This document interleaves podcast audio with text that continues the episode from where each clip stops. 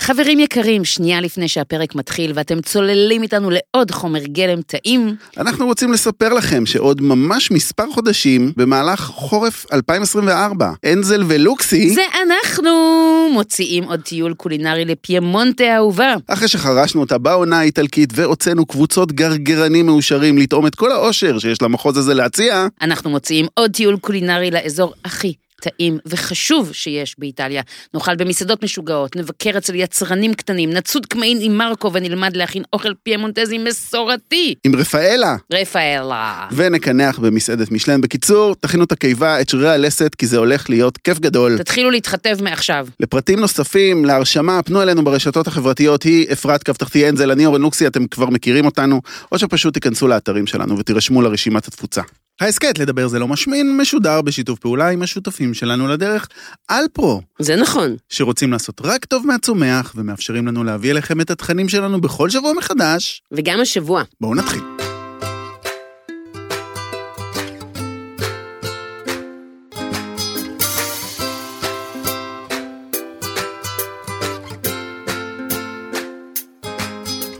הלו, הלו, הלו, את שמה לב שהכל, אני כאילו, אה, מה אני, אתה לא יכול לגמור את הלו, הלו, הלו? צרוד. באיזה מצב אתה הגעת לאולפן? אני היית צרוד מבטל את נורא. הצילומים. הלו, הלו, הקלטות. הלו, הלוואי והיה לנו צילומים, למה אנחנו מצטלמים? אף אחד לא רוצה לצלם אותנו. לא רוצה לצלם אותנו. שני זקנים בלים.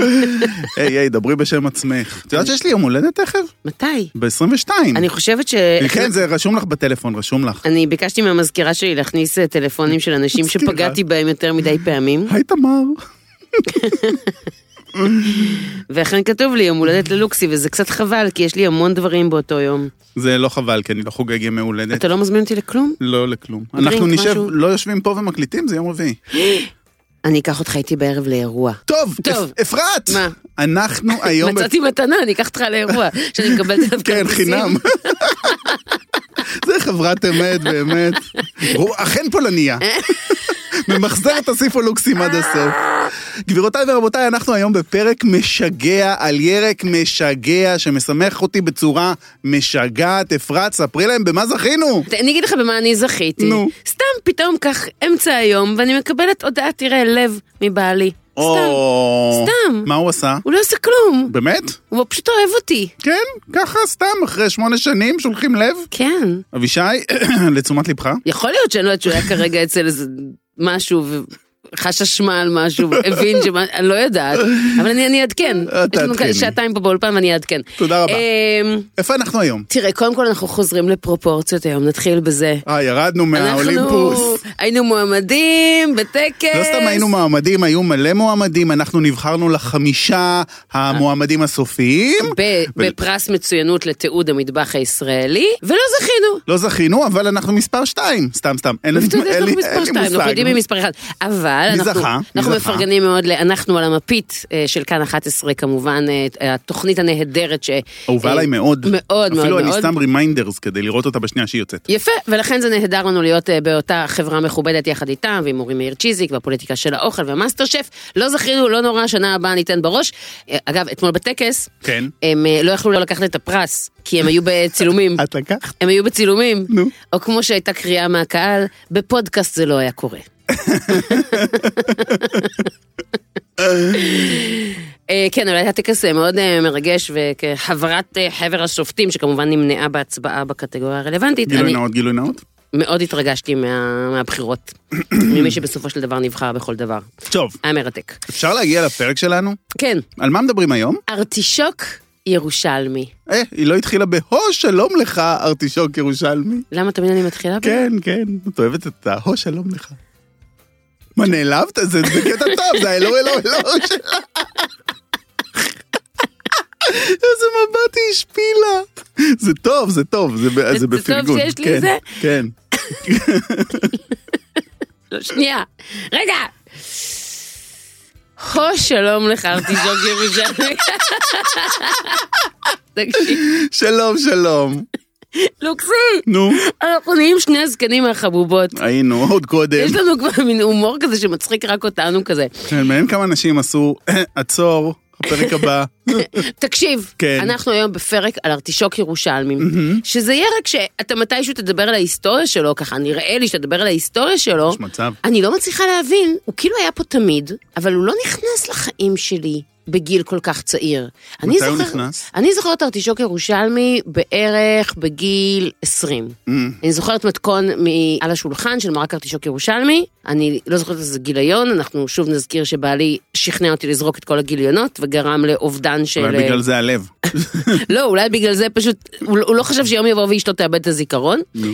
אני זוכרת שזה היה בעמוד 21 של איזשהו גיליון עדיין דו-ספרתי שהיה על השולחן. אה, תאבד את הזיכרון. גיליון 21 בצד ימין כן, למעלה, אני זוכרת בבוקסה בדיוק איפה היה למעלה. המתכון, אני זוכרת את המתכון, אנחנו גם נדבר עליו היום. כן. וזו הפעם הראשונה שהתוודעתי לדבר המופלא הזה, שיש לו טעם כמעט כמו של ארטישוק, אבל לא צריך להתעסק עם הקילוף האינסופי והקשה של ארטישוק.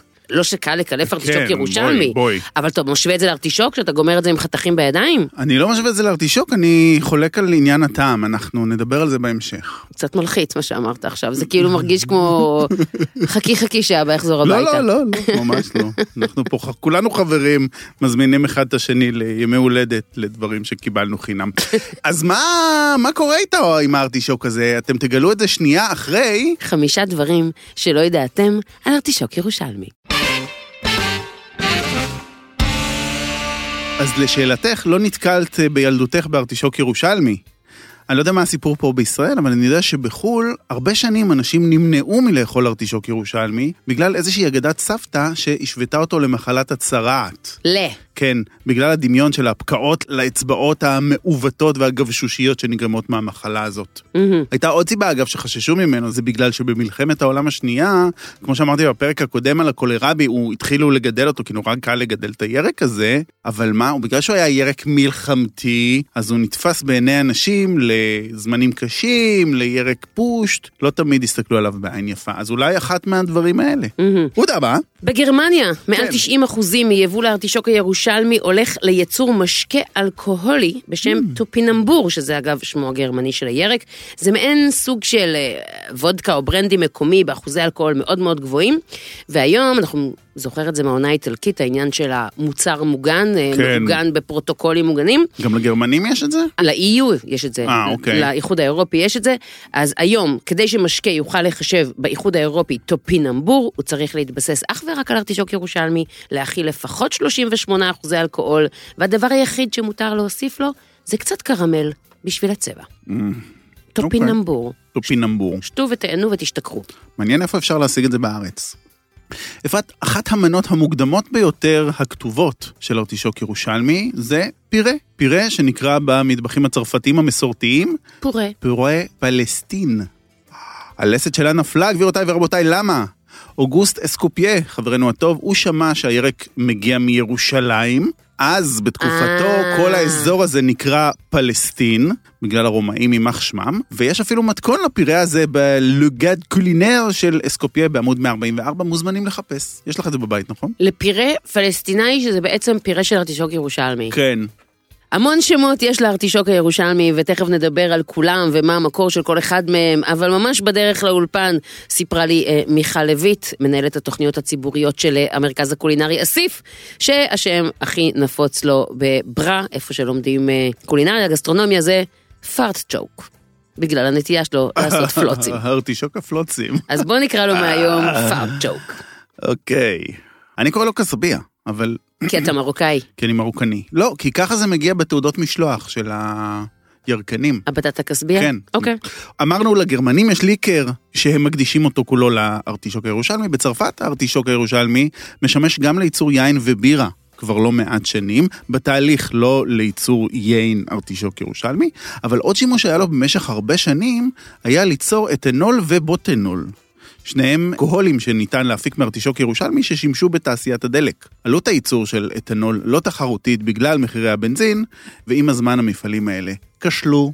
אז אלו היו חמישה דברים אה, שלא ידעתם על ארטישוק ירושלמי, אבל יש לנו עוד כל כך הרבה מה לספר לכם על הירק הכל כך אהוב הזה, שלמרות שהוא כל כך אהוב, אין דבר שאני יותר אוהבת מלאכול אותו איפה? במסעדות. שמישהו אחר יעבוד על לנקות את הדבר הזה ולקלוף את קליפתו. למרות שניתן לכם בטח טיפים גם לזה. אז בואו נספר לך מי הוא, רוצה לדעת? בוודאי. אז הארטישוק הירושלמי ששמו העברי הנכון הוא חמנית הפקעות, הוא ירק שנושא בהמון המון שמות נוספים. פגשתי את השם אגס אדמה, טופינמבור, כפי שאמרתי בחמישה דברים. בפי יהודי צפון אפריקה, הוא אכן נקרא בטטה כסביה, שהתרגום המילולי של זה זה תפוח אדמה של קנה, כי כאילו יש לו כמו קנה סוף כזה. כמו ה- ה- הגבעול של החמניה. בדיוק. יהודי מצרים קוראים לו טרטופה, מהמם. שזה מאוד נחמד, כי זה באמת אה, קצת אה, מזכיר אה, כן. פטריית קמעין אה, בדרך אפשר, זו או אפשר, אחרת. אפשר, אה, קצת מזכיר את הטורפש, כאילו, שגדל בדרום, שדיברנו עליו אה, בפרק הקמעין. גם באנגלית ובלטינית יש לו הרבה שמות, סאן רוט, סאן צ'וק, ויילד סאן פלאואר, ארת אפל, כאילו, תפוח אדמה, תרגום מילולי, ארת כן. אפל, מדהים. אבל השם הבוטני של כל הסיפור הזה זה אליאנטוס טוברוסוס, שזה בתרגום לעברית. חמנית הפקעות, אוקיי. והוא אכן שייך למשפחת החמניות, הוא קרוב משפחה של החמניה. מ, אמ, בהחלט. זה צמח אה, רב-שנתי, שגדל לגובה מאוד מאוד גבוה, עד שלושה מטרים. כן, זה טירוף. ללכת בשדה של ארטישוק ירושלמי, אתם חושבים כאילו זה דבר קטן באדמה. לא, לא. זה עצום, בדיוק, זה, לא, זה, זה הרבה יותר קרוב למבוך התירס מאשר אה, לשדה תפוח אדמה. לגמרי. העלים שלו שעירים, הפרחים שלו, כצפוי, לקרוב משפחה של החמניה צהובים, ולפריחה שלו, אם יום אחד תלכו בשדה שלו כשהוא פורח, אומרים שיש ריח של שוקולד ווניל. ספרו לי אם זה נכון, כי אני מעודי לא הרחתי פרח של... אה, אנחנו צריכים להתייעץ עם החקלאי שלנו לגבי זה, זה מאוד מסקרן מה שאמרת. תסמן לך את זה בכוכבית העניין הזה. אוקיי. אבל אנחנו לא כאן כדי לדבר על העלים או על הפרחים, אנחנו כאן כדי לדבר על השורש, על אותן פקעות מאורכות, לפעמים עגולות, אבל בדרך כלל הן יהיו מאורכות, לא אחידות בצורתן, לא פעם עם המון גבשושיות, באורך ככה של נגיד עשרה סנטימטר, בעובי שלושה, חמישה סנטימטרים, מאוד מזכירים בצורה שלהם אה, שורש ג'ינג'ר, ומדובר בשורש פריך עד אימה. כזה שכשהוא טרי ויוצא מהאדמה, אתה טאק יכול לשבור אותו בשנייה בין ידיים, הוא פשוט פריך, ואפילו כשהוא טרי הוא גם נורא טעים לתת בו ביס ככה. וזה העניין של, כשאמרת עניין הטעמים, שהוא מזכיר ארטישוק, ועל כן הוא קיבל את שמו, בטח תרחיבי תכף, לי הוא מזכיר ארמונים, ארמוני מים. אוי, לגמרי. זה כאילו המרקם, זה, ה- זה הפריחות הזאת. זה לגמרי. מין ספוג קשיח. ארמוני מים זה הדברים הת- הכי טעימים ששמים בתוך טפיוקה. כן. זה פשוט אחד הדברים הכי... אחד הדברים עם הטקסטורה הכי מקסימה שיש. אוקיי. אז באמת במראה שלו הוא דומה ככה לשורש ג'ינג'ר, יש שיגידו לשורש חזרת, במרקם הוא דומה לתפוח אדמה, בטעם לי הוא מזכיר ארטישוק, ללוקסי הוא מזכיר ארמונים, ואני לגמרי מקבלת את זה. הצבע שלו מאוד משתנה, לפעמים הוא יהיה בז', לבנבן, אבל יש זנים שהם יותר אדמדמים, יותר אה, סגלגלים אפילו בצבע. והשורשים, וזה דבר נורא מעניין, הם יכולים להמשיך לחיות באדמה לאורך שנים. כן. פשוט יכולים להמשיך לצמוח, כמו כל שורש, אבל כמובן יש את הזמן האידיאלי להוציא אותה מהאדמה, וזה עכשיו. סתיו, תחילת החורף, וזה אולי התכונה הכי משונה של הארטישוק הירושלמי. יש לו לוק הכי חורפי שיש, הוא שורש, אנחנו מבחינתנו זה הדבר שתמיד צריך להיות בתבשילי קדרה ארוכים, חורפיים. חורפיים, אבל היי, הוא יוצא מהאדמה קצת לפני החורף, הרציני. כן. זה בעיניי דבר אה, נורא נורא נורא מעניין. אז זהו, זה הארטישוק הירושלמי. קרוב המשפחה של החמנית, שאני אשמח לדעת איך הוא הגיע עד הלום. אז הארטישוק הירושלמי מגיע אלינו מיבשת אמריקה. אה. עוד ירק שגדל אה, ממרכז אמריקה ועד קנדה, לכל אה, אורכה של היבשת הצפונית. אחד הגידולים הכי נפוצים ביבשת, באמת, סמואל דה שמפליין, שהיה חוקר וקרטוגרף, כותב מפות. הוא בעצם אה, אבי מייסד צרפת החדשה, כל הקולוניות הצרפתיות שמחוץ לאירופה, והוא גם המייסד של העיר קוויבק בקנדה. מה אתה הצד אומר? הצרפתי. הוא, כן, הוא הסיבה שבקנדה מדברים שתי שפות באופן רשמי. הוא הגיע לראשונה... הוא אשם. הוא אשם. הוא הגיע לראשונה לחופי צפון אמריקה ב-1603, הוא היה חבר של משלחת שעסקה בכלל בסחר בפרוות. אה. אגב, למשלחת יצאו 23 איש, חזרו שמונה, כדרכם של משלחות ב- במאה ה-17. שאולי פשוט ניסו לא- להוריד פרווה מדוב. מגיע להם. הוא הביא את הארטישוק הירושלמי לאירופה. ב- מצפון אמריקה, לא מדרום אמריקה? לא סתם מצפון אמריקה, אמרתי קוויבק, אוקיי? הוא... כן, אני מדגישה את הוא היה העניין ממש הזה. באזור כי- הצפוני. כי- כי תמיד כשאנחנו אומרים שדברים הגיעו מהעולם החדש, מאמריקה, נכון. אנחנו חושבים שהכוונה למרכז אמריקה בדרך כלל, אזור מקסיקו וזה. לא, לא, לא, חברים. לא, לא. הנה לא. משהו שנולד בקנדה. ממש. אז זה וקנולה. הוא הביא את הארטישוק. הוא הביא את הארטישוק לאירופה ב-1616, ומרגע זה הארטישוק מתחיל לפרוח, כמו שעוד נגלה, מדובר באחד הצמחים הקלים לגידול וקשים לסילוק. אמרת, הוא יכול להחזיק שנים רבות מתחת לאדמה, וזה חלק מהקסם וחלק גם מהסכנה שבו. זה צמח שמתרבה בקלות כמו עשב שוטה. אז מיד אחרי שהוא מביא אותו לצרפת, זה כובש את המדינה. אז באמת השם הראשון שלו היה פואר דה היתר, שזה אגס האדמה, או שקראו לו ארטישוק דה קנדה. ארטישוק קנדי. ארטישוק קנדי. מקסים. היום כבר לא קוראים לו ככה, וזהו, זו ההיסטוריה של הירק הזה. זה ירק שלא באמת תפס אה, בעולם אה, כאחד מהירקות המרכזיים, וחבל. אתה קראת לו ארטישוק קנדה, אמרת כן. שקראו לו ארטישוק קנדה. כן. אז בוא באמת אה, נסביר למה קוראים לו ארטישוק ירושלמי, מה פתאום, איך ירושלים השתרבבה לתוך כל הסיפור הזה. או ארטישוק, או לחמניה. ארטישוק, או כן, ארטישוק, כן. כי באמת למרות שמו, לארטישוק ירושלמי אין שום קשר עם ירושלים, ואין גם שום קשר אה, בוטני עם אה, ארטישוק. אגב, כוכבית קטנה, קטנה, קטנה, קטנה. לא פליט. תמיד אומרים שלארטישוק ירושלמי אין שום קשר עם ארטישוק, נכון? נו. זהו שזה לא לגמרי נכון. זה לא? כי שניהם כן חברים במשפחת המורכבים. זה פשוט משפחה בוטנית מאוד מאוד מאוד גדולה. קיצור, הם קרובי משפחה כל כך רחוקים שאנחנו לא מתייחסים אליהם כאל אה, קרובי משפחה. אוקיי. כאילו ברמה מסוימת גם אתה ואני קרובי משפחה, כן? כולנו מגיעים זה מאותו- בערך אותה מאותו קרבה. כפר בלודג'. ב- זה באמת אותו כפר בלודג'. זה לודג', לודג' זה הכפר. כן. היום כבר לא. לא, גם המשפחה של עמרי יש- יש להם איזה חתיכה מלודג'. כולם הגיעו מלודג' כולם בסוף. מגיעים מלודג', כן, פולנים. בקיצור, אז המתיישבים האיטלקים שהיגרו לארצות הברית, הם קראו לירק ג'ירסול. למה ג'ירסול? כי זה השם האיטלקי של צמח החמניה, שהוא קרוב משפחה באמת של ארטישוק ירושלמי. האמריקאים עיוותו את המילה ג'ירסולה, כמו שאומרים באיטלקית, לג'רוסלם. Mm, זה הכל. והמילה... מילה דומה. מילה מאוד דומה. ואז מארטישוק ג'ירסול, אז זה נהיה ג'רוזלם ארטישוק, שהמילה ארטישוק הגיעה מהדמיון הקולינרי שלו באמת לטעם של ארטישוק הרגיל, וככה נהיה אה, ארטישוק ירושלמי. מה שמדהים זה שזה גם הגיע עם השם הזה לכאן לישראל. הגיע ונשאר. אבל אני מצאתי הסבר נוסף לשם ארטישוק ירושלמי, לכי על זה. כשהפוריטנים, הפרוטסטנטים האנגלים, הגיעו לעולם החדש, ליבשת אמריקה, הם קראו ליבשת ניו ג'רוסלם. Mm, כאילו כאן אנחנו הולכים אה, להקים את ירושלים וואו, החדשה וואו, וואו. ביב- ביבשת החדשה. אוקיי. ואז אומרים שיכול להיות שזה עוד סיבה שקוראים לזה ארטישוק ירושלמי, אני פחות מחבבת את ההסבר הזה. אבל כן, כפי שאמרת, יש- שקראו לו קנדיאן ארטישוק, קנדיאן פוטטו, למפ צ'וק, המון המון המון שמות. היום, אגב, השם הכי נפוץ שלו ב- בחו"ל זה סאן צ'וק, מהמם, כאילו ארטישוק חמניה. כן. וזה הומצא על- על ידי פרידה קפלן ב-1960, שהיא הייתה סוחרת, שפשוט ברמה השיווקית רצתה לתת לו איזשהו שם מאוד מאוד קליט, עם אה, שם מגניב, עם אה, סקס אפיל, והיא קראה לו סאן צ'וק, וזה די תפס. נחמד. כן. אבל אני רוצה לדבר על עוד שם. נו, נכון, אמרתי בהתחלה שיש ליקר שקוראים לו טופינמבור, כן. זה שמו של הארטישוק הירושלמי בלא מעט שפות. בצרפתית, אני בצרפתית, חושב הם קוראים לו ככה. בגרמנית, בפולנית, רומנית, לפעמים בספרדית בספרד, ורוסית גם יקראו לו ככה.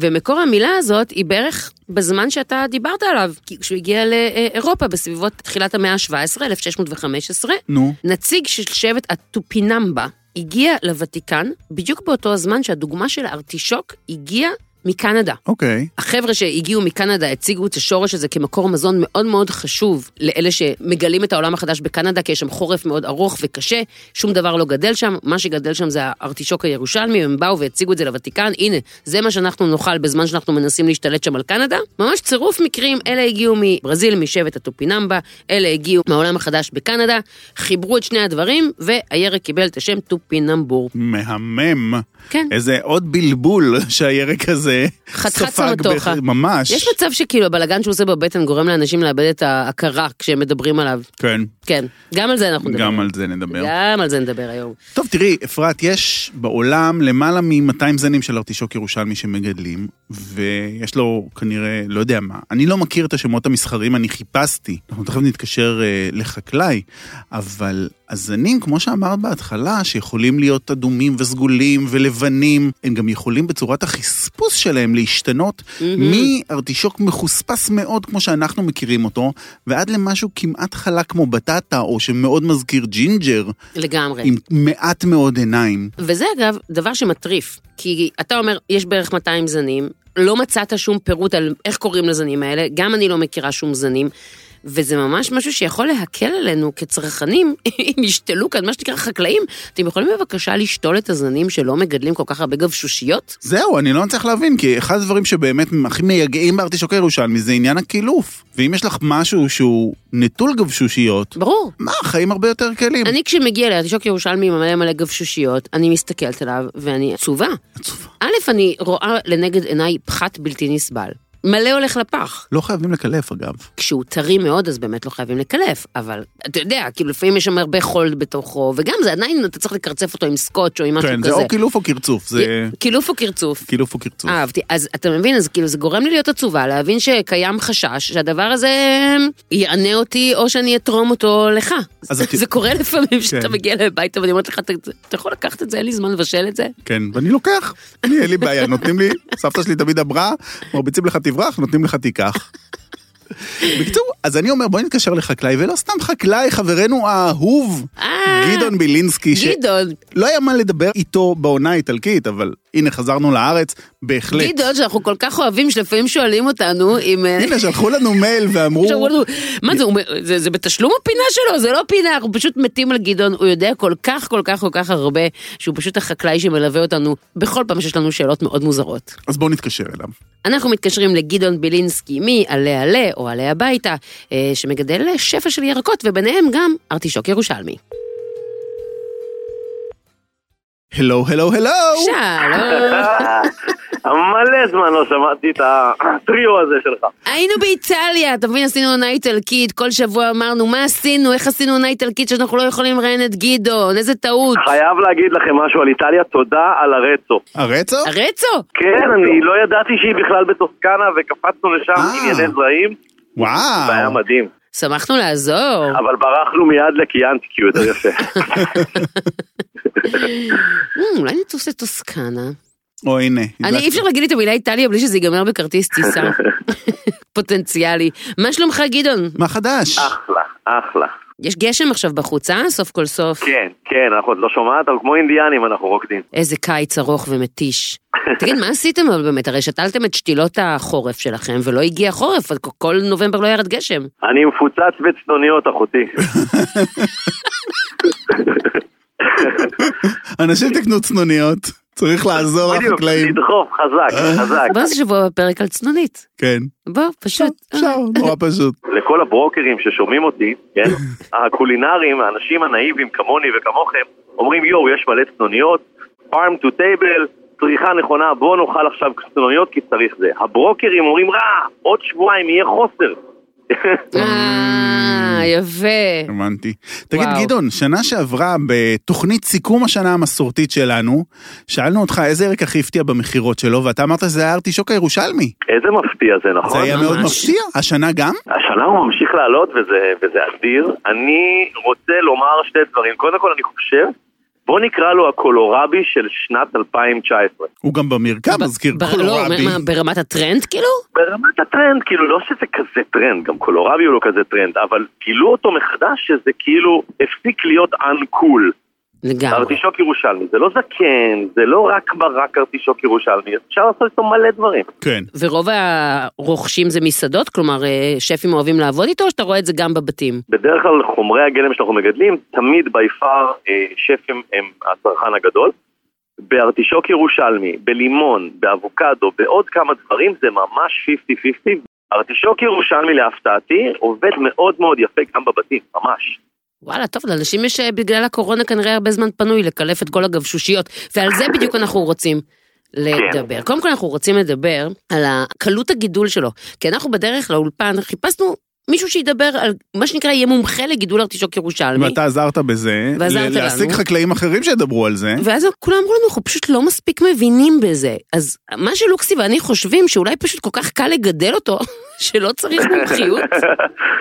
אני אגיד לכם למה קל, בסדר? יש אה, בחקלאות מושג שנקרא, קודם כל אנחנו לא מגדלים משמעותיים של ארטישוק ירושלמי בעליל, אנחנו מגדלים כדי שיהיה לנו גיבוי, אבל בגדול יש מגדלים וזה ממש כמו בצל וכמו שום וכמו תפוח אדמה, מה שנקרא מרעה גדול מאוד.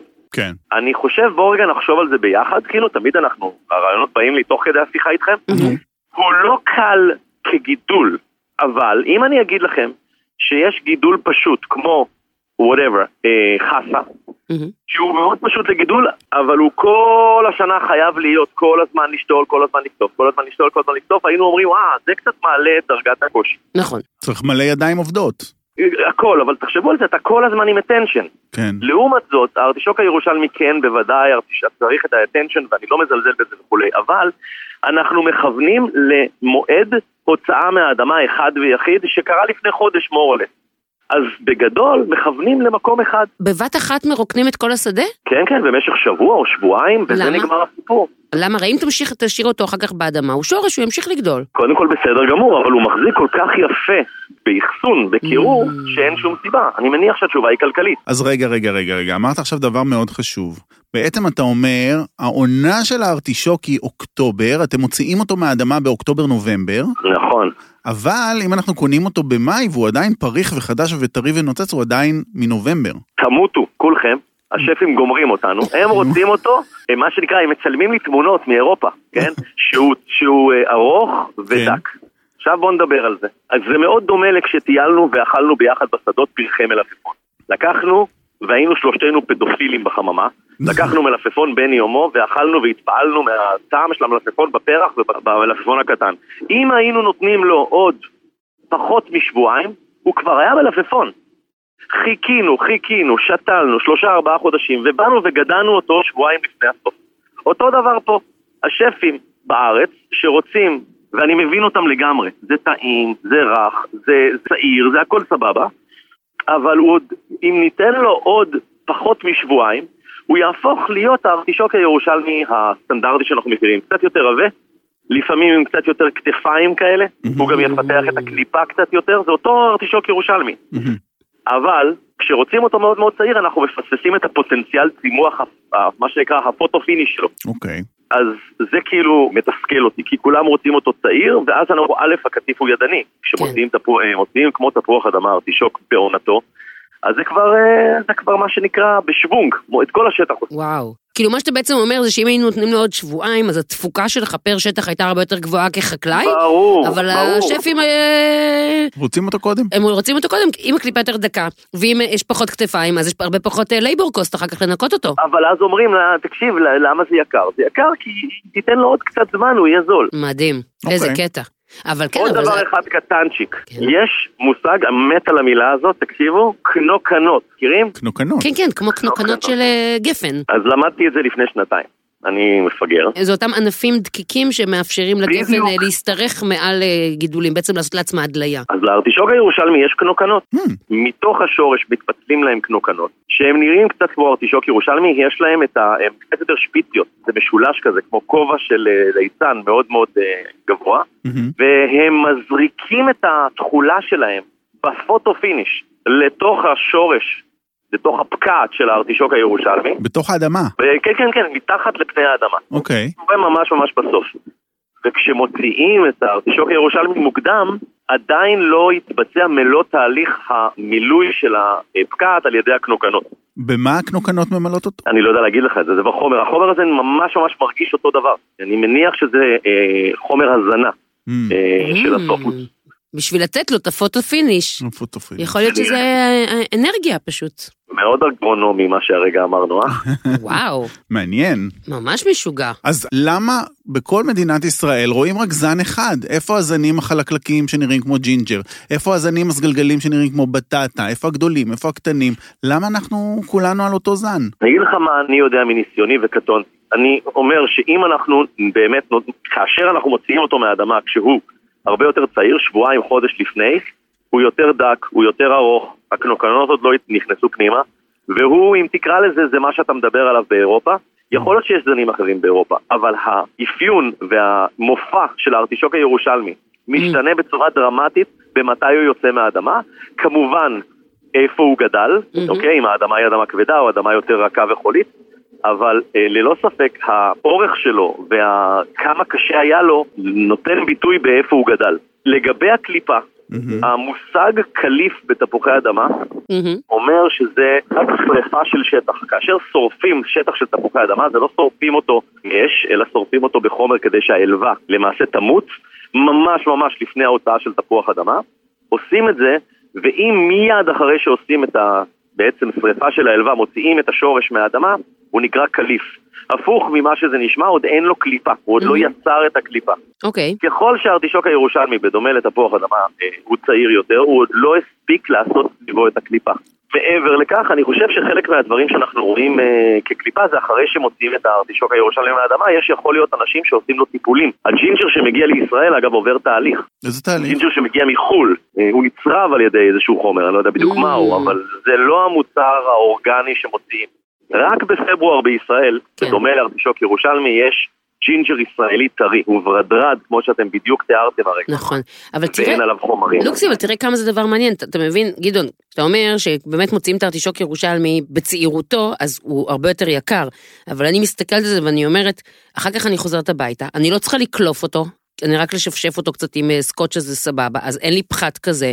אני עובדת הרבה פחות קשה לנקות אותו. ב-all in all מהמם. זה יוצא אותו מחיר. כי לנקות ארטישוק ירושלמי מלא גבשושיות זה סיוט. אני לא מסכים איתך אתה לא מסכים במובן איתי. האקולוגי, רק במובן האקולוגי.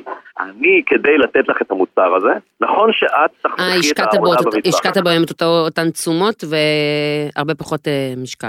נכון, אבל אה. אם תקחי את זה עוד יותר קדימה, שנה הבאה אני אצטרך להשתמש בשטחי מרעה גדולים יותר, כדי להביא לך את, אותה, את אותו דבר, ואנחנו באמת לאו דווקא רוצים את זה. שכנעת אותי. עוד שטח, עוד נדל"ן, עוד זה, אני, בשביל עוד שבועיים, האם זה שווה את זה? כן, אם כן, סבבה. אם לא, אנחנו לא צריכים להיות אה, מה שנקרא...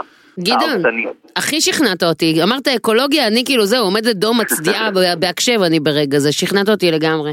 אם זה מה שיחסוך לנו את שטחי אה, הבנת גידול. למה אני מתכוון, ברור. נכון? כן, אוקיי. אז יאללה, שפים, תתאפקו שבועיים, לא יקרה שום דבר. כן. תגבששו. תגבששו. תקלפו, תקלפו. גדעון, תודה רבה. המון תודה. להתראות חברים. שיהיה אחלה חורף, אנחנו כנראה נדבר גם בהמשכו. תאכלו צנוניות. כיף שחזרתם, ברוכים השבים. תודה רבה. ביי. ביי. ביי. ועכשיו, הפינה השבועית שלנו.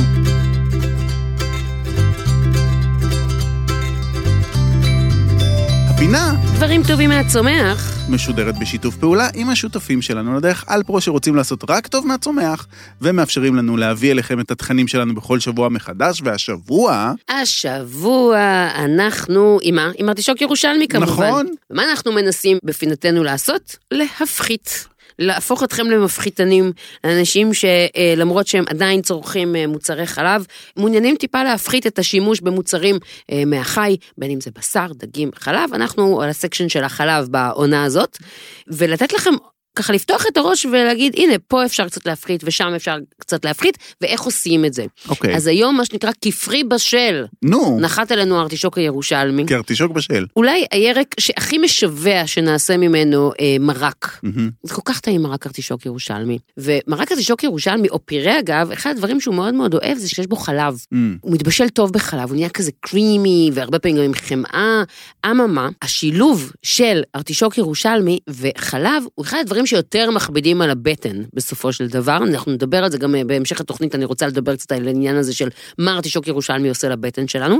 ומרק הארטישוק הירושלמי ירוויח אם במקום אה, לשים בו חמאה וחלב, אנחנו נשים בו איזשהו אה, מוצר מהצומח. אוקיי. אז אני פשוט אתן לך את המתכון שלי למרק ארטישוק ירושלמי, שהוא Mm. ממש מתכון הכי כאילו לוסי בעולם, מבחינת כמויות. ג'וסי לוסי, באמת? לוסי, כאילו אין בו ממש ממש כמויות. בסופו של דבר זה... לא, רגע, אנשים, אנחנו נעצור ונתעכב. אפרת אנזל, נו. אפרת אנזל, פסיק, MD כמעט, נו. הולכת לתת מתכון שאין בו כמויות מדויקות. אני, כשאני מעז לכתוב קורט מלח, אני מקבל על זה ביקורת אחר כך. אבל כמה זה קורט? חצי כפית כפית, תכתוב בדיוק. כן. אז אז אתה אומר, מה קרה לי? מה קרה? בוא אני אסביר לך. נו, ארטישוק ירושלמי יש לו טעם כל כך דומיננטי ומובחן, שדוגרי זה קצת פחות משנה מה נשים מסביבו, אנחנו די נקבל את אותו הטעם. מהמם. אנחנו כן צריכים לת- לשים משהו שייתן לו טיפת חריפות, ואני מדברת על אזורי הבצל הקצוץ, או קצת אה, קרישה, או אה, שום, או גם וגם וגם. אוקיי. פשוט קוצצים את זה, ומאדים את זה. אני עושה את זה בשמן זית ולא בחמאה, כי אני רוצה טיפה להקליל את ה- את המרקם. מהמם. ככה מטגנת את זה מעדה עד שזה נהיה שקוף, לא שזה נהיה שחום, אני לא רוצה את זה שחום. את לא מחפשת את הקרמול, את המתיקות שלו. לא, את רוצה את המתיקות של הארטישוק. בארטישוק ירושלמי יש מספיק מתיקות משל עצמו, זה אגב אחת הסיבות שאנחנו כל כך אוהבים אותו, יש בו סוכרים, כן, בגלל זה הוא מתקרמל כל כך, זה ירק מדהים. אוקיי. ירק מדהים. ואז אני פשוט, ארטישוק ירושלמי אה, מקורצף, או אם אתם רוצים שהמרק יהיה ממש ממש בהיר כשלג, אז אפשר אה, לקלוף אותו. מהמם. חתיכות שלו, ממשיכה להדות את זה עם אה, די הרבה ארטישוק ירושלמי, אפשר גם לשים אה, שורש סלרי, אפשר לשים אה, שורש פטרוזיליה, ואפשר גם לא. כלומר, אם אני רוצה שהטעם של ארטישוק ירושלמי יהיה מאוד מאוד מודגש, אז בלי. אבל אם אני רוצה שהוא יהיה טיפה יותר עדין, אז אפשר לשים שורש סלרי, שורש פטרוזיליה, רק לשמור על זה שזה יהיה שורשים לבנים. מהמם. מרק כזה כיף שהוא לבן.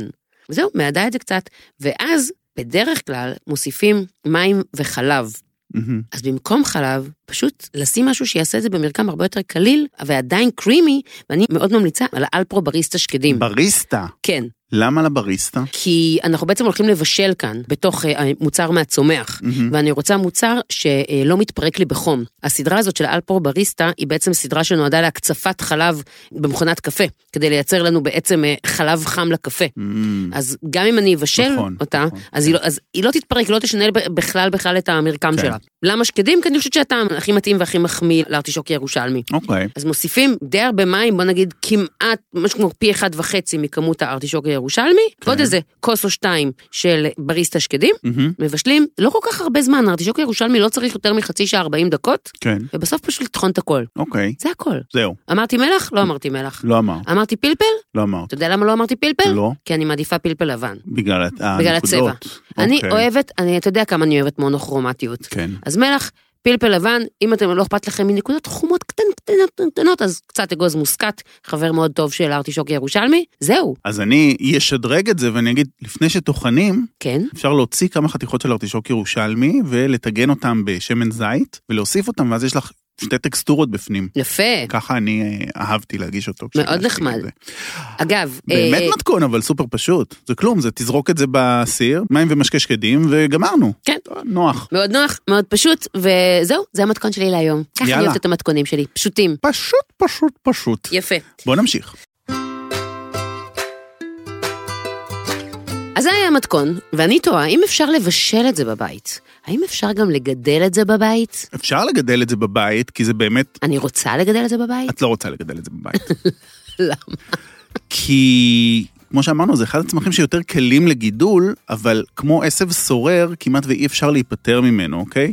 אפילו ראיתי, אני כחלק מהתחקירים שלי צופה בהרבה יוטיובים, עם מגדלים ועם כל מיני אנשים שמומחים בתחום, כדי לקבל עוד רעיונות וזה. ואפילו ראיתי ראיון עם חקלאית שאמרה שהיא, אפילו את השאריות של הארטישוק שהיא מוציאה מהאדמה ונשאר לה כל העלווה, היא לא שמה את זה אפילו בקומפוסט שלה, לא. כי היא חוששת שגרגר קטן ייתפס עם הדישון ויצמיח לה ערימות של ארטישוק ירושלמי ואי אפשר להיפטר מהדבר הזה. אז בבית לא. זה כמו שהם מוציאים נקודת חן, נו כן. זה ממש, ממש. דבר כזה. כן. בבית אפשר כמובן לגדל אותו, אבל דעו, אם אתם שותלים אותו באדמה, סביר להניח שהוא ישתלט לכם על כל שטח האדמה, לא תצליחו להיפטר ממנו. גם אז מה, נורא בעציץ? קשה להוציא...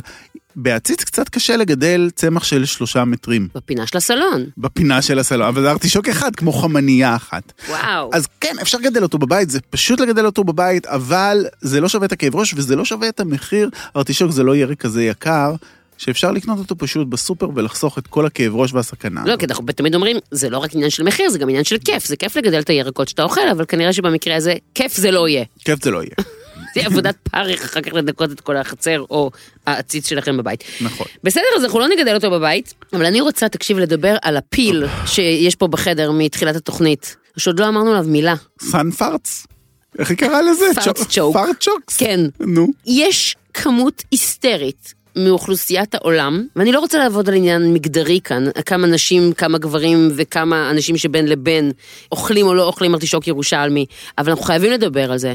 זה ירק שהרבה מאוד אנשים נמנעים מהאכילה שלו, כי הוא עושה גזים, והרבה מאוד אנשים לא אוכלים אותו ולא יכולים ליהנות ממנו, ואני החלטתי שזו הזדמנות פז לפתוח סוגריים ולדבר על זה.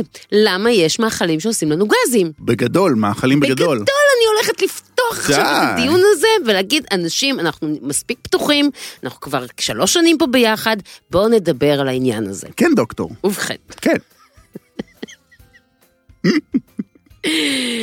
אוקיי, בשביל להבין למה ארטישוק ירושלמי, או אה, כן. סליחה, כל מיני דברים עושים לנו גזים, אנחנו צריכים להבין איך עובדת מערכת העיכול. בקצרה נעשה את זה. קיבה מפרקת את האוכל, נכון? בתוך המעי הדק אנחנו בעצם סופגים את החומרים שמגיעים מהמזון שאנחנו צריכים לבריאות שלנו. אוקיי. זה קורה במעי הדק. הספיגה של הסוכרים, ברזל, כל החומרים שבעצם אנחנו רוצים לבריאות שלנו. ברגע שהמזון מגיע למעי הגס, שם כבר לא אמור להיספג אוכל, שם אמור להיספג רק הנוזלים. המעי הגס אמור לספוג רק את הנוזלים. אוקיי. אוקיי? ומה קורה במעי הגס? שלפעמים מגיעים אליו חומרים שהגוף לא ידע לפרק, והם אמורים פשוט להמשיך הלאה ולצאת מהגוף שלנו. מהמם. אבל במעי הגס יש מלחמה תמידית בין חיידקים טובים לחיידקים רעים. אמ, חיידקים הטובים זה, אתה יודע, כל ה... אלה שטובים לעיכול שלנו, שאנחנו תמיד רוצים אותם, שיהיו בפרוביוטיקה, שחיוניים לבריאותנו. ויש את החיידקים הרעים המרושעים, שהם אלה שגם יכולים אה, לגרום לנו לגזים וכאבי בטן וכל הדברים האלה. ויש שם שיווי משקל מסוים בין הטובים ובין הרעים. כן. רק שלפעמים השיווי משקל הזה מופר. מתי הוא למשל יכול להיות מופר? כשמגיע למעי הגס איזשהו חומר שאנחנו כ- בגוף שלנו לא יודעים לפרק אותו, מהמם. אבל החיידקים הרעים כן יודעים לפרק אותו, ובעצם נתנו להם על מגע של כסף את האוכל שלהם. בני ואמרנו זונות. להם, קחו, תהנו, תחגגו, וזה בדיוק מה שהם עושים. ממש. ולכן למשל אנשים, שאנחנו אומרים שהם רגישים ללקטוז, הם לא מצליחים, חסר להם האנזים לקטז, שמפרק את, ה- את אה, סוכרי החלב, זה מגיע למעי הגס, אנחנו לא הצלחנו לפרק את זה, אבל או-הו, מסיבה. מסיבה של החיידקים הרעים, הם מפרקים את הלקטוז. פותחים שולחן. הם מתרבים, נו. וההתרבות שלהם זה מה שיוצר את הגזים. ההתרבות יוצרת הגזים? ברגע שהם מתרבים, הם יוצרים כ- את הכמויות הגדולות של ה-CO2 Mm. ושל גז מתאן. מזה הגזים והריח. נהדר. נהדר, נהדר. נפלא. סליחה, אני- אנחנו תכף נגמרים על לדבר על, על, על דברים כאלה, בסדר? אבל זה חשוב שתדעו. פעם הבאה שמישהו שואל אתכם למה אתם לא אוכלים ארטישוק ירושלמי, תסבירו לו את הדבר הבא. מה קורה בארטישוק ירושלמי? נו. וגם בירקות נוספים. יש סוגים של ירקות שיש בהם סיבים תזונתיים, סוג של פחמימות מורכבות, שאנחנו לא יודעים לפרק בקיבה ובמעי הדק. וזה מגיע למעי הגס, ושם נמצאים חיידקים שכן יודעים לפרק את זה. זה כל מיני סוכרים מורכבים שקיימים בכרוב, בכרובית, בברוקולי, בכרוב ניצנים, צנון, צנונית, בצל, ו... כל החשודים בארטישוק ירושלמי. המיידיים. כן, לכל כל אחד מהם אגב זה תרכובות שונות, בגלל זה יש כאלה שרגישים לבצל ולא ארטיש- רגישים לכרוב, כאלה שרגישים לארטישוק ירושלמי ולא רגישים לצנון, זה סוגי סוכרים שונים. אז אלה שלא יודעים לפרק את החומר שנמצא בארטישוק ירושלמי, הוא זה מה שיגרום להם לחגיגה הגדולה כשהוא יאכל ארטישוק ירושלמי. יש דרך להימנע מזה? אז זהו, אומרים שחשיפה איטית ומבוקרת, כלומר לאט לאט להרגיל את הגוף, זה יכול איכשהו אה, להפחית את זה. אוקיי. יש אפשרות, למשל, כמו שהסברתי, שמכינים רק ארטישוק ירושלמי או פירה, לא להשתמש בעוד דברים שמכבידים על קצה מערכת העיכול, כמו חלב. אמ, Mm, ופה באמת המפחיתנות. ופה המפחידנות גם עוזרת לנו ברמה הבריאותית. עוד משהו, זה שאם תאכלו ארטישוק ירושלמי, נגיד עם יוגורט, למשל, על אותו מרק ארטישוק ירושלמי, לשים שליכטה של אה, יוגורט עם פרוביוטיקה, אמ, זה יעזור להחזיר את האיזון בין החיידקים הטובים הרעים בקצה מערכת העיכול, והעיכול יהיה הרבה יותר פשוט. או מעניין. לקחת כדור של פרוביוטיקה, לא עכשיו כדור רפואי, לקחת כאילו משהו שבאמת יש בו פרוביוטיקה, ולעזור למערכת העיכול להתמודד. או או, פשוט תפליצו. כאילו, זה מה טעים, הבעיה עם זה? תאכלו, תפליצו, הכל בסדר. עכשיו אבל בוא שנייה נרחיב באמת לארטישוק ירושלמי, למה הוא ספציפית עושה את הגזים, הזה, נו. את הגזים האלה. מה שיש בארטישוק ירושלמי זה אינולין. אינולין זה מולקולת סוכר מאוד מאוד גדולה, שמורכבת מהרבה הרבה הרבה מולקולות של פרוקטוז, זה מה שנקרא סוכר הפירות בעצם. והסוכר הזה, זה ה- מה שנותן לארטישוק ירושלמי את הטעם הטיפה טיפה מתקתק שלו. והאינולין, כמו שאמרתי, לא נספג לנו טוב במערכת העיכול. ואני מתעכבת על זה כי גם ברמה הבריאותית יש לזה משמעות. יש הרבה אנשים שחושבים שבגלל שהאינולין לא נספג במערכת העיכול, עדיף לחולה סוכרת לאכול אותו מאשר תפוחי אדמה. כי הרי הסוכר של אה, תפוחי אדמה כן נספג במערכת העיכול ומקפיץ לחולה סוכרת את הסוכר. אז זה נכון שארטישוק ירושלמי מקפיץ את הסוכר פחות, אבל יצא מין אורבן לג'נד כזה שזה טוב לחולה סוכרת? תרופה. זה לא תרופה לחולה לא. סוכרת. לא. אוקיי. בואו אה, נשים את הדברים בפרופורציות. מה שמאוד מעניין זה שבארטישוק ירושלמי שגדל באזורים קרים, שזה האזורים המקוריים של גידול הארטישוק הירושלמי, הוא יוצר הרבה פחות אינולין מאשר באזורים חמים כמו אצלנו. כלומר, גם אם אתם רגישים לארטישוק ירושלמי פה בישראל, יכול להיות שכשתיסעו לקנדה, הוא יגרום לכם להרבה פחות רגישות בבטן. זה מעניין. נכון? זה ממש מעניין, כי זה משהו שאף פעם לא, אספקט שאף פעם לא חשבתי עליו. למה זה באמת מעניין? כי מה זה האינולין הזה? זה בעצם הדרך של ארטישוק הירושלמי לאחסן בתוכו את האנרגיה שלו. מה שבירקות כמו תפוח אדמה זה מאוחסן בצורת עמילן, בארטישוק הירושלמי זה צורת האינולין. ככה הוא מאחסן את הסוכרים שלו, וזה הסיבה גם שהארטישוק ירושלמי הוא מקור מאוד מאוד חשוב לפרוקטוז בתעשיית המזון. כי יש בו מלא אינולין, שכשמפרקים אותו הוא נהיה פרוקטוז. אז בתעשיית המזון משתמשים בארטישוק ירושלמי כדי לייצר סוכר פירות. כן. לי. די. אוקיי. וכל זה הגענו רק כי רציתי להסביר לכם למה אתם מפליצים כשאתם אוכלים ארטישוק ירושלמי. טוב חברים, מה אני אגיד לכם? תאכלו ותהנו, כמו שאומרים. אבל תקשיב, אני חייבת להגיד לך שלא יודעת, לי זה אף פעם לא עשה גזים, אגב. לא, אני הייתה לי תקופה ש... אני חושבת שאכלתי פעם אחת שזה היה קטסטרופה, כאילו פעם אחת שגרמה לי להימנע ממנו במשך כמה שנים, והיום אני לגמרי סבבה עם ארטישוק ירושלמי. טוב, השתנתה ממש. לך הפרוביוטיקה. אה, יכול להיות, כנראה. וגם עניין של, אתה יודע, לא צריך לאכול עכשיו כאילו שני קילו, אפשר אה, לאט לאט ובמשורה. לא הייתי אוכלת את השוק ירושלמי ושותה קולה, שזה עם הרבה CO2, בכלל באופן כללי לא הייתי שותה קולה. כן, או נגיד עם אף פר- פעם לא ראיתי אותך שותה קול. או נגיד עם פירות הדר, שהם גם כן, יש אנשים שזה ממש מכביד להם על המעי הגס, כל הדברים האלה שבאמת מכבידים.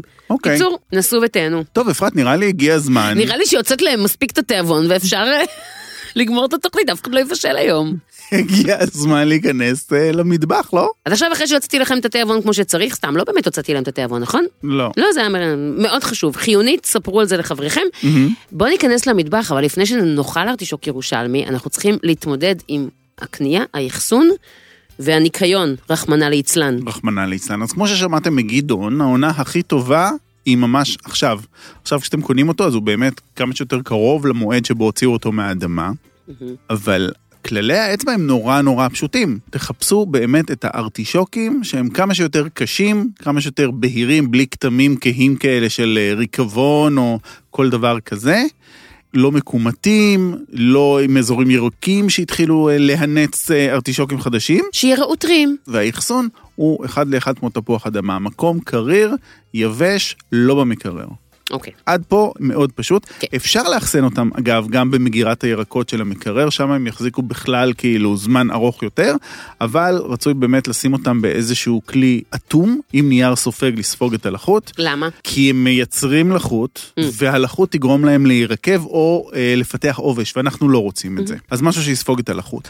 אני מאחסנת אותו בסלסלה עם תפוחי אדמה. גם אני, אני, יש לי ירקות שאף פעם לא נכנסים למקרר. כן. Mm-hmm. והארטישוק ירושלמי הוא לגמרי אחד מהם. מה- מה הירקות האלה שאתה לא מכניס למקרר אף פעם? כל ירקות השורש, Mm-hmm. סלקים, לפתות. אני אגיד לך מה הכלל אצבע שלי, כן. אם אני הולך לסופר וזה לא בקירור, אז זה יכול לשרוד שלושה ימים אצלי גם בלי קירור. כן. במיוחד ירקות כמו עגבניות, שברגע שאת מכניסה אותם לקירור, אם לא וואו. שמעתם את פרק העגבניות שלה, הם מתחילים לפרק את ה... האנזימים שם מתחילים לפרק את כל עניין הטעם. לגמרי. אז מעט מאוד דברים נכנסים למקרר, אלא אם כן באמת אני יודע שזה אחסון לאורך זמן. אוקיי. אני לא אשתמש בזה השבוע. אוקיי. אז ככה בוחרים, ככה מאחסנים, ושימי איך אתה מנקז? לב, כן. נורא נורא פשוט. אתה עניין הרמת הפחת. שני ידיים, הרמת שתי ידיים. עני... כי עניין הפחת, כן. אתה שף, יש לך מסעדה, יש לך תקציב, אתה אמור להיות מהודק. כן. ארטישוק ירושלמי, ברגע שאתה מקלף אותו, כל ירק שאתה מקלף אותו אתה מאבד, אבל בארטישוק, בגלל כל הבונקלחים הקטנים האלה, שצומחים לו כל הגבשושיות האלה, לפעמים הטבח פשוט חותך ומוריד את הכל, ואתה יכול לאבד 30, 40, 50 אחוז אפילו מחומר הגלם. ואז במקום שהארטישוק עלה לך 10 שקלים לקילו, הוא עלה לך 15 שקלים לקילו. כן. וזה כבר משפיע על כל תמחור המנה. אנחנו משרים אותם במים, אוקיי? שמים את הארטישוק כמו שהוא במים קרים לחצי שעה. יפה. אחרי חצי שעה כל האדמה מתרככת, כל הלכלוך מתרכך. ואז כל מה שצריך זה מברשת כזאת של אה, כלים, המברשת מברשת, כרצוף לא הזאת. ספוג. לא, לא ספוג. אפשר גם לספוג, הוא מוריד פחות, אבל באמת מעבירים את זה זריז, ותאמיני לי, 99% מהארטישוק נטול לכלוך ומקורצף ונהדר. אבל באמת מה שחשוב זה העניין הזה של ההשריה. כן. אה, ש- השריה שמ- ארוכה? שמרככת את הדבר. כלומר, שטיפה מתחת לזרם מים לא עושה את אותו ריכוך, לא. ורוב הבוץ, החול והגבשושיות נשארים. עוד דבר, כן. זה שמשרים אותו במים עם חומץ. זה בדיוק מה שרציתי לשאול אותך. כי כי הרי ארטישוק ירושלמי יש לו נטייה להשחיר אה, מיד אחרי הקילוף, אז אני לפחות אחרי הקרצוף כן שנייה שמה אותו במים עם אה, לימון, לא עם חומץ. אז אם מקלפים אותו באמת צריך להשרות אותו באיזושהי חומצה באמת כדי ל- לעצור את התהליך של ההתחמצנות ושינוי הצבע. אני גם יודע, אני לא יודע אם זה נכון או לא, כי לא מצאתי לזה תיעוד, שזה עוזר קצת בעניין העיכול, ההשריה הארוכה הזאת בחומצה. אני לא בטוח, לאור אה, ההסבר בחומצה? שנתת. חשבתי במים, אולי, ח- אולי חושבים שזה כמו להשרות קטניות. לא יודע. אוי, חייבים לעשות תוכנית על קטניות. חייבים. זה סגור, יאללה, תרשום. יאללה, אה, תרשום, אה, תרשום. תרשום אותי בפנים. טוב, אפרת, יאללה, מה את מכינה מהארטישוק? יש לנו את המרק שלך, מה עוד? טוב, תקשיב. נו. כאמור, כפי שרמזתי בתחילת הפרק, אני הכי אוהבת לאכול אותו במסעדות. כי אני מאוד אוהבת שמישהו אחר עובד עבורי, והמנה שאני הכי אוהבת אה, של ארטישוק ירושלמי בעולם, בערך זו המנה של מיכאל גרטובסקי בביסטרו מיכאל, בעיניי מנה ששווה את הנסיעה, רק בשבילה. רק בשביל מה המנה? הוא צולע את הארטישוקים אה, הירושלמים, שעכשיו אני מבינה שזה ארטישוקים ירושלמים מאוד צעירים, הם כזה ארוכים ודקים. הוא צולע אותם בג'וספר, באותו תנור אה, צליעה דיברנו עליו שבוע שעבר. מטורף. כן. והוא מניח את זה על קרם שום שחור, Mm. וביחד היא יוצאת מנה שהיא כל כולה נחמה, כפי שאני אוהבת, בלי קראנץ', היא כל כולה רוך והיא מנחמת. זו הגדרה של מנה מנחמת בעיניי. אז זה- זה מנה שאני מאוד מאוד אוהבת, ולמה אני מציינת אותה? כי תכל'ס זה לא כזה קשה לעשות וריאציה הרבה יותר פשוטה שלה בבית. כלומר, באמת אה, לשים את הארטישוק הירושלמי בתנור. עם אה, הרבה שמן זית, מלח ים, לכסות אותו, אפשר לשים אולי טיפה יין לבן, ופשוט לצלות אותו בתנור, עד שהוא כולו הופך להיות נמס שכזה. חוץ מזה, אני שמה אותו בכל קדרה. כלומר, זה ירק שורש, זה מה שהוא רוצה, להיות בקדרה. זה מה שהוא רוצה. הוא אוהב אה, נורא קדורות של אה, טלה וקדורות של עוף, איכשהו אני מרגישה שזה יותר מתאים מקדורות בקר, משהו בטעמים היותר עדינים של העוף ושל הטלה הולכים לי יותר טוב עם זה מאשר אה, בקר. זה בערך מה שאני עושה איתו. ומרק, ופירה, ומרק ופירה. אמרה הכל. לא, מה תראי, אתה עושה? זה ירק שהוא באמת, השימושים שלו הם אחד לאחד שימושי תפוחי אדמה. ממש. אז גם צ'יפס של ארטישוק ירושלמי, טיגון בשמן, נכון. יכול לעבוד נהדר. פירה, כמו שאמרת, יכול לעבוד נהדר. תבשילי קדרה, יכול לעבוד נהדר. בצעירותי, כשעוד הייתי פרח טבחות, היה לי חבר בשם עידו, שהוא היה עילוי במטבחים. כן. ויום אחד עשינו איזה אירוע ביחד, והוא עשה מין ממרח של ארטישוק ירושלמי עם כמהין. אוי אוי. שזה גם, ארטישוק נורא אוהב אה, ירקות אדמה. האמת חבר- שכן, חברים שלו, בכלל. טעמי אדמה. מהמם. אז פטריות ודברים כאלה מאוד מחמיאים לו, הוא עשה ברוסקטה כן. עם ממרח כזה של ארטישוק ירושלמי וכמהין, ועל זה היה פיסות של דג נע. שילוב שנשמע אה, הזוי מהמם. ולא קשור, וזה היה טעים. וואו. עידו שני, גאון קולינרי. ואני באמת נורא אוהב לשים אותו בגדרות. אני חושב שאם יהיה לי אותו, אז רוב הסיכויים שהוא ייכנס לאיזשהו תבשיל ארוך. לגמרי. אני לא אעשה לא פירה ולא מרק ולא כאלה. הגשתי מרקי אה, ארטישוק ירושלמי בקריירה שלי, אבל הרעיון, כשהוא כן, זה מתבשל- 90, זה מאוד 90, מאוד כזה, 90s, זה או מאוד שנות 90s, האלפיים כזה. שנות- אה, כן. לגמרי, שנות לגמרי. האלפיים זה לעשות אה, מרקי ארטישוק ירושלמי. אבל הדבר שאני הכי אוהב לעשות איתו, וזה כפינוק, זה לא משהו שאני עושה כל הזמן, זה את הסוכריות ארטישוק ירושלמי. את זוכרת שפרסמתי את המתכון הזה? לא, עושים ארטישוק ירושלמי קונפי. פשוט מבשלים אותו בשומן, פשוט בשמן מבשלים זית. אותו בשמן זית עם כמה שיני שום גדולות כאלה. בישול איטי, על אש נמוכה, כמה הרבה זמן? זמן, לדעתי שעה ורבע, אולי אפילו יותר. אנחנו לא רוצים שום ביעבוע שם. אה! מהמם. יוצא קצת קצף מהארטישוק הירושלמי, אפשר אוקיי. להסיר אותו ככה בעדינות, ומה שמתקבל זה באמת ארטישוק ירושלמי ששומר על הצורה שלו, אבל הוא רך רך ברמת הרך. עכשיו, הוא כולו ספוג בשמן זית מבפנים. וואי וואי אוקיי? וואי. עכשיו, בבישול האיטי, קודם כל את זה כבר, כמו שאמרת עכשיו, בא לי פשוט לשים בבלנדר כן, ולעשות משחה, למשל, למשל. רוטב לפסטה נכון, זה יכול להיות מדהים, מושלם. הדבר הזה. אוקיי. כן, כן, לא צריך כלום יותר. אבל אז אני לוקח את הארטישוק הזה, מסנן אותו מהשמן, בעדינות, כי הוא נוטה להתפרק. אשכרה. שומר על הצורה שלו ונותן לו להתקרר. כשהוא מתקרר הוא קצת יותר קשיח למגע, אני אני מקשיבה לזה כמו סיפור מתח. סיפור. לאן זה הולך? זה הולך למחבת, ומתטגן לו על המחבת גם על אש עדינה עדינה לאורך זמן. מהמם. טיגון שלדעתי רבע שעה, אולי 20 דקות, שכל פעם הופכים קצת את הארטישוק. אני חושב שיש לי את המתכון הזה באתר, אני לא בטוח. Mm. שבעצם לא צריך להוסיף למחבת כלום, כי הוא כבר קיבל את הטיבול שלו מהשום ומהשמן מהשמן, זית, הוא כן. ספוג בשומן, אז גם לא צריך כלום במחבת, לא מחבת צריך יבשה. Mm. כלום, מחבת יבשה, אש ממש ממש נמוכה. ומה שקורה, בגלל הבישול האיטי, כל הסוכרים האלה כבר השתחררו, ובגלל הקרמול האיטי, האש המאוד מאוד נמוכה, הוא פשוט... אני לא יכול להסביר לך כמה, אני אומר את זה בהרבה תוכניות, אני לא יכול להסביר לך כמה זה טעים. הדבר הזה פשוט נהיה סוכריות, סוכריות של וואו. ארטישוק ירושלמי, זה מקבל מעטה חום, גם פריך, מבפנים זה רך ומשגע, והטעם פשוט גן עדן, תחשבי על באמת, אני לא יודע, נשמע טירופים. סוכריות של ארטישוק ירושלמי, והדבר הזה טעים, טעים, טעים, טעים, תנסו. מה צריך אחר כך מעל אה, לשים, לפזר על זה טיפה פרמזן או משהו כזה? ננה בננה, אם תצליחי להגיע למצב שהדבר הזה מוגש לשולחן ולא תטרפי את הכל. זה לא מגיע לשולחן, זה אף פעם לא מגיע לי לשולחן. אתה אוכל את זה לפני שזה מגיע לשולחן? אה, אני- כי זה כל כך טעים. כולך מלא בכוונות טובות וזה לא קורה בסוף? תהליך הקרמול הזה, כמו שהם מטגנים פרמזן, והפרמזן Mm. אה, נהיה, מהמם. יוצא ממנו כל השומן והעסיסיות והעוממי, והוא נהיה מין דיסקית כזאת של כן. קרקר פרמזן, תהליך דומה מאוד. אגב, אמרת כאילו שהארטישוק קונפי הזה יכול להיות רוטב מעולה לפסטה, והזכרת לי את אחת המנות הכי מפתיעות בבסטה, שתמיד כשהיא נמצאת אני אומרת, כאילו, זה עובד, ומזמינה את זה מסקרנות, וכל פעם מחדש נוכחת להבין עד כמה זה עובד. יש להם אה, רביולי של ארטישוק ירושלמי, עם אה, רוטב עגבניות קל כזה, קל. שני טון חמאה, אבל הוא כן. מרגיש קל, אה, וזה פשוט, אה, פשוט, באמת פשוט, פשוט. פשוט, פשוט, פשוט אחת המנות היותר טובות. יש לי זיכרון עמום ממנת ארטישוק ירושלמי נהדרת שאכלתי אצל טיטמן במילגו ומילבר, אבל אני כאילו ברגע זה לא מצליחה לזכור מהי. כבר דיברנו על זה שקצת איבדתי את הזיכרון שלי מאז ימי הקורונה. נכון, אבל אה, גם מוטי עושה דברים אה, מדהימים עם ארטישוק ירושלמי, ואז בעודך מדבר, כן. חשבתי לעצמי שמכיוון שאני כל כך אוהבת שאנשים אחרים מכינים לי ארטישוק ירושלמי, אנא מכם, אם אתם מכירים מנות ארטישוק ירושלמי טובות במסעדות פשוטות או לא פשוטות, בכלל לא משנה לנו, פשוט כתבו לנו, תתייגו אותנו, תעלו את זה באינסטגרם, ואז יהיה לנו איזשהו Mm. מצבור של מנות ארטישוק ירושלמי שאפשר ללכת לאכול.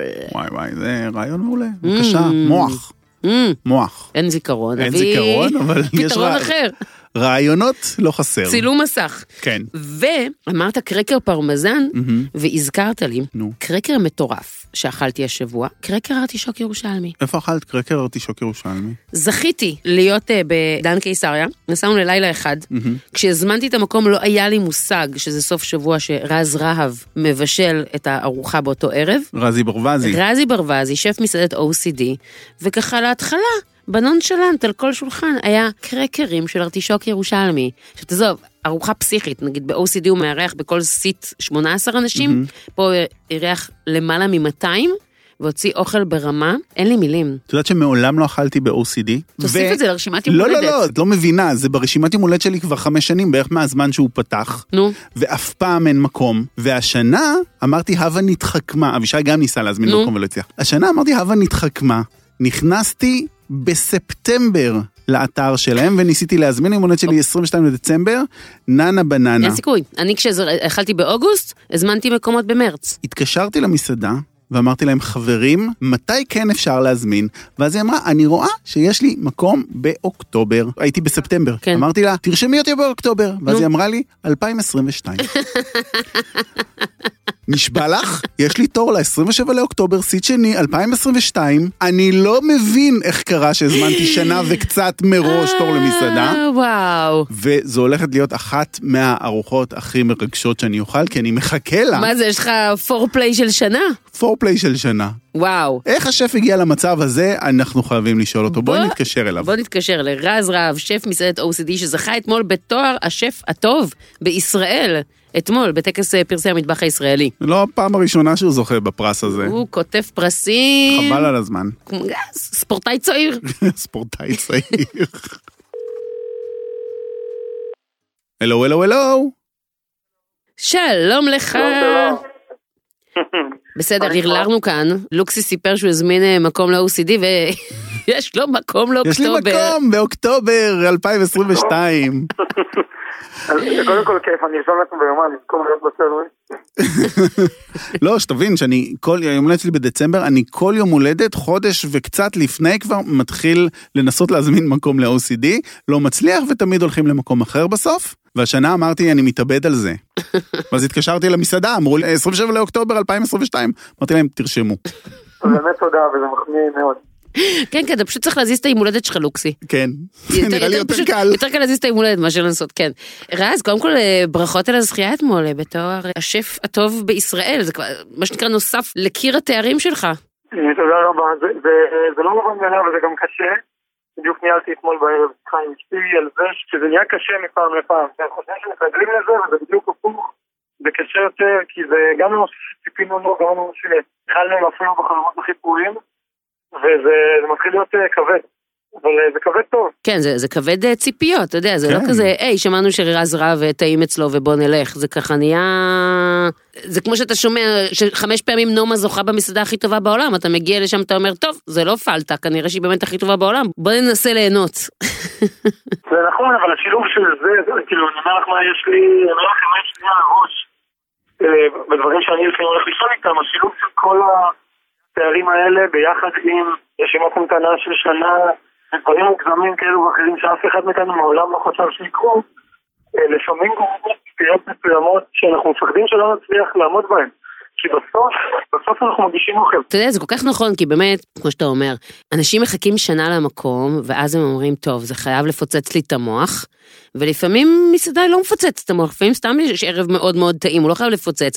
ודבר נוסף, זה שכשאנחנו מזמינים מקום, סתם נגיד שבוע מראש למסעדה, תסכים איתי בטח לוקסי, כן. אז אתה כאילו, אתה יודע מה הווייב שלך באותה תקופה. נכון. מי אתה, איזה אוכל בא לך, נכון. את, לפעמים אתה יודע, אתה יכול להזמין שנה קדימה, ואת, ולא יודעת, באותה תקופה אתה תרגיש קצת פחות טוב, וזה, אבל כבר יש לך מקום ב-OCD, מה לא תלך? חייב ללכת. חייב. הסלוט הבא זה עוד שנה. כן, ואז אתה אומר, כאילו, לא בטוח שבן אדם הגיע במצב האידיאלי מבחינתו לארוחה. בסוף יש טיטולים, תמיד מבאס, אבל גם יש עוד כמה אנשים שלא ידעו מה יהיה איתם עוד שנה, ופתאום אה, ממש לא בא להם. וואו. איזה מוזר. טוב, ללא ספק חתיכת אתגר. תגיד, בוא נדבר על הסיבה לשמה התכנסנו, אה, ארטישוק ירושלמי. מה זה הקרקר הזה שאפרת מדברת עליו? קרקר כן, פשוט. מרגישה שירושלים בכללי, יש לי יחסי אה, אהבה שאני לא יודע מאיפה הם הגיעו במקור, ובאמת אותו, אותו קלקר, באמת אה, אחרי הרבה חקר בתשעות ירושלמי, מתוקף זה שפשוט השתמשתי בו, לשחק בצורה, אני רוצה להגיד נכונה, אני מקווה שאני צודק, בסוכרים הטבעיים של התשעות של כרמלים, קצת כמו דגן מלא. אמ, הם לא סוכר מאוד פשוט. בגרון לקחנו את הפישוק, קרמלנו אותו לאט בערך שלוש, ארבע שעות אה, בניית אפס, בתנור, עד שקיבלנו מחית מאוד מאוד מאוד מרוכזת, ושם זה להגישת עם כל הסוכרים שמתקרמלים, וטחנו את זה עם טפיוקה מבושלת. הטפיוקה דווקא סוכר שמתפרק נכון. מהר, מאוד מאוד פשוט, בישלנו אותו וערבבנו עם אותה מחית, אה, ייבשנו את זה וטיגנו את זה. וואו. זה הרבה יותר פשוט ממה שזה נשמע. לא, זה נשמע די הגיוני, כאילו, ארטישוק מבושל הרבה זמן, מעורבב עם טפיוקה מ- מבושלת, טוחנים, מייבשים, ואת הייבוש הזה פשוט מתגנים? כן. בדיוק, כמו דף אורז. כמו אנחנו מכירים אה, במשחקי השף מתקנים דפי אורז אה, כן. כאלה יבשים, בדיוק אותו דבר. איזה קטע. אוקיי. עכשיו אני מבינה את הנקודות הלבנות שהיו בתוך הקרקר הזה, זה טפיוקה. נכון, בדיוק הרעיון של החד סוכר של הטפיוקה בנגיעה שמן, הוא מתנפח, כמו אורז, כמו חיטה, אה, הוא מתנפח, הוא מכפיל את הנפח שלו בערך, בוא נגיד פי ארבע, ובפרט מה שראית, הקקרים האלה, יש על כל שולחן בערך, בוא נגיד חצי מגש, כן. וזה מתנפח פי חמש. Mm. זאת אומרת שהיינו שמים מגש היה כמעט עשר כאילו בעצם בזמן הטיגון זה מתנפח? כן, כמו ש... דף אורז. איזה כן, אתה מכניס יופי. חוליה קטנה לשמן ומקבל דף ענק, כמו צ'יצ'רון, כן. וזה מדהים, זו טכניקה שאנחנו רוצים לשחק איתה עם הרבה מאוד ירקות, כשהארטישוק ירושלמי פשוט הוכיח לנו שהוא מדהים. המלך של זה. איזה כיף. מה עוד אתה מכין מארטישוק ירושלמי בימים אלו במסעדה? עכשיו, אנחנו, חלק מהתפקיד אה, של OCD בשנים האחרונות התעצב מאוד להיות, בוא נגיד, מושפע מה... מושפע מהעונה, מושפע מכל מה שקורה סביבנו, מושפע מ- מהתרבויות וגם מושפע מסיפורים אישיים. וחלק לזה לפעמים מכניסים דברים שחווינו ברמה האישית, לימודים שחווינו, והמנהל פיתוח שלי, שלום שמחה, עבד אה, ולמד הרבה זמן בקופנהגן ובאיטליה, והוא חוקר בשנים האחרונות, כמו הרבה מאוד מהאנשים בתחום, את אה, תחום המיסוך. ואומנם השוק עכשיו לא בשיא, ולפני שנה, כשהוא היה בשיא, לקחנו את כולו, והצפנו אותו כמיסו. מיסו ארטישוק מסעדת ירושלמי. בדיוק. במקום להשתמש בסויה, השתמשנו בארטישוק ירושלמי. והיום אנחנו מגישים בעצם, ניסינו להנגיש אותו לקהל, ואמרנו איך נשחק עם המיסו, במה שאנשים מכירים, כולנו מכירים ברק מיסו. מהמם. נכון. אז לקחנו את אותו ברק מיסו, זו כל הטכניקה של המסע של המיסו בציר, ועשינו מיסו מהרשוק וואו. יש אה, כמה לקוחות, בוא נגיד, אה, מבינים יותר לעומק בעונות, ושואלים, מה עכשיו שוק ירושלמי אתם? זה לא השיא. אומרים להם, נכון. אבל השוק ירושלמי, אתם אוכלים, נקטף בשיא, ואתם שומעים אותו איתי במשך שנה, אנחנו מגשים אותו גדול. עכשיו בדיוק 11 חודשים אחרי, וחודש לפני שנתחיל את המסה החדשה של המיסו, אז גם הטעם שלו איזה יהיה קטע. שונה. רגע, ויש שם זיכרון של טעם של ארטישוק ירושלמי כשאוכלים את המיסו הזה? חד משמעית, אני חושב שטעם של שוק ירושלמי וואו. פשוט מאוד מאוד עמוק, מאוד מאוד אה, מלוח, כמו שמישהו יודע להיות, מפוצץ אומאמי, וכפית אחת של הציר הזה, בואי נגיד המתכון הוא כף על ליטר אה, נוזל, וכפית מזה וואו. מפוצצת פתאום. לוקסי, מזל שהמקום שלך הוא בסוף אוקטובר, זה בדיוק התקופה שבה המיסו ארטישוק ירושלמי מוגש. אני לא יודע אם הוא יוגש בעוד שנה. ג- גם אנחנו... שמור לי, אה, שמור לי, אה, מיסו נשמר. אני- שמור לי לארוחה שלי.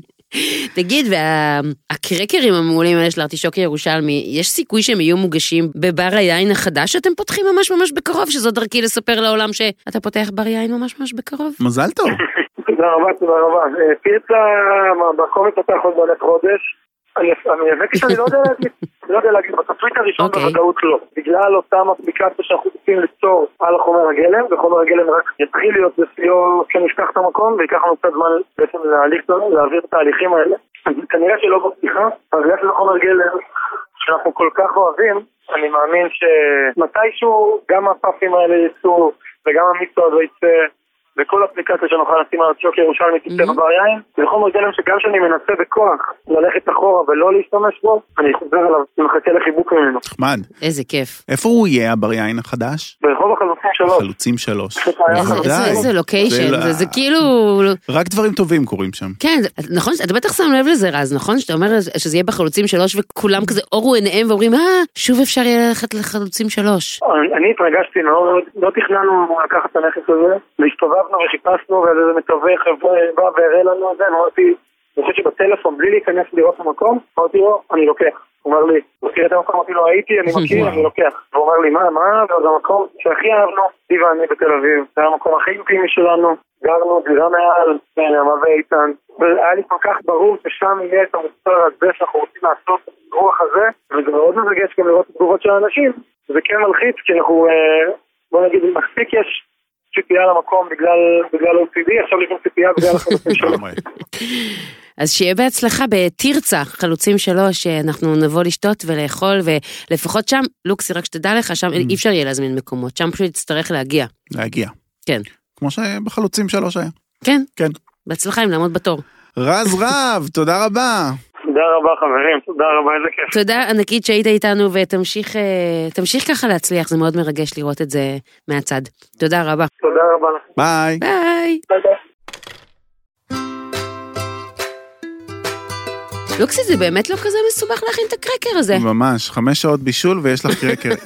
טוב, תרצה, חלוצים שלוש, אני ממש מתרגש, חלוצים שלוש הייתה אחת באמת מהמסעדות ה- הפנינים הקטנות המיוחדות האלה, שרק יודעי דבר הכירו וכל השאר רק שמעו עליהם. הייתה כל כך קטנה פיצית, כמו שרז אוהב לעשות בעצם, כן. נורא אינטימי. ממש. איזה כיף. איזה תחקיר מטורף שם. שהוא בן 30, והוא כבר ככה. ואני גם באמת... איזה מטורף שהוא בן 30 והוא כבר ככה איזה שבע שנים בערך. כן, אבל אתה חושב שזה באמת, זה באמת מלחיץ. זה לייצר ציפייה, אתה יודע, הבן אדם בא למסעדה שלו עם ציפיות בשמיים. כן. כאילו, היכולת שלך לספק את הסחורה כשבן אדם מגיע עם כזאת ציפייה גבוהה, זה אתגר. זה קשה. פרשר מטורף, מטורף. לחץ מטורף. כן. הרבה אנשים לא עומדים בו, אני לא עמדתי בו. באמת, אתה... אני לא, אני לא הגעתי לרמות האלה, לקרסוליים של הרמות האלה, באמת, אני הייתי יותר שף, מכירה אותי, אני רק קיצורי דרך ויאללה יאללה תאכלו מחר זה קקי. אבל הלחץ הוא תמיד קיים שם. כל מנה שיוצאת, שופטים אותך לגביה. אני מסכימה איתך. זה... ב- בבראנץ' שהגשתי לפני אה, שבועיים, שלושה, אני חוויתי בפעם הראשונה בחיים שלי את העניין של למכור אוכל שלי. כן. זה היה מלחיץ, זה היה באמת באמת מלחיץ, ולחשוב שהם, השפים הגדולים, עולים על במה עם כל מנה ומנה וכל מנה צריכה, בטח במסעדה כזאת, להפגיז, כן. כלומר 20 ביסים שהם שלמות, זה קשה. זה קשה מאוד מאוד מאוד, וכל הכבוד לו שהוא עושה את זה בכזאת יציבות כבר. ממש. כל כך הרבה שנים.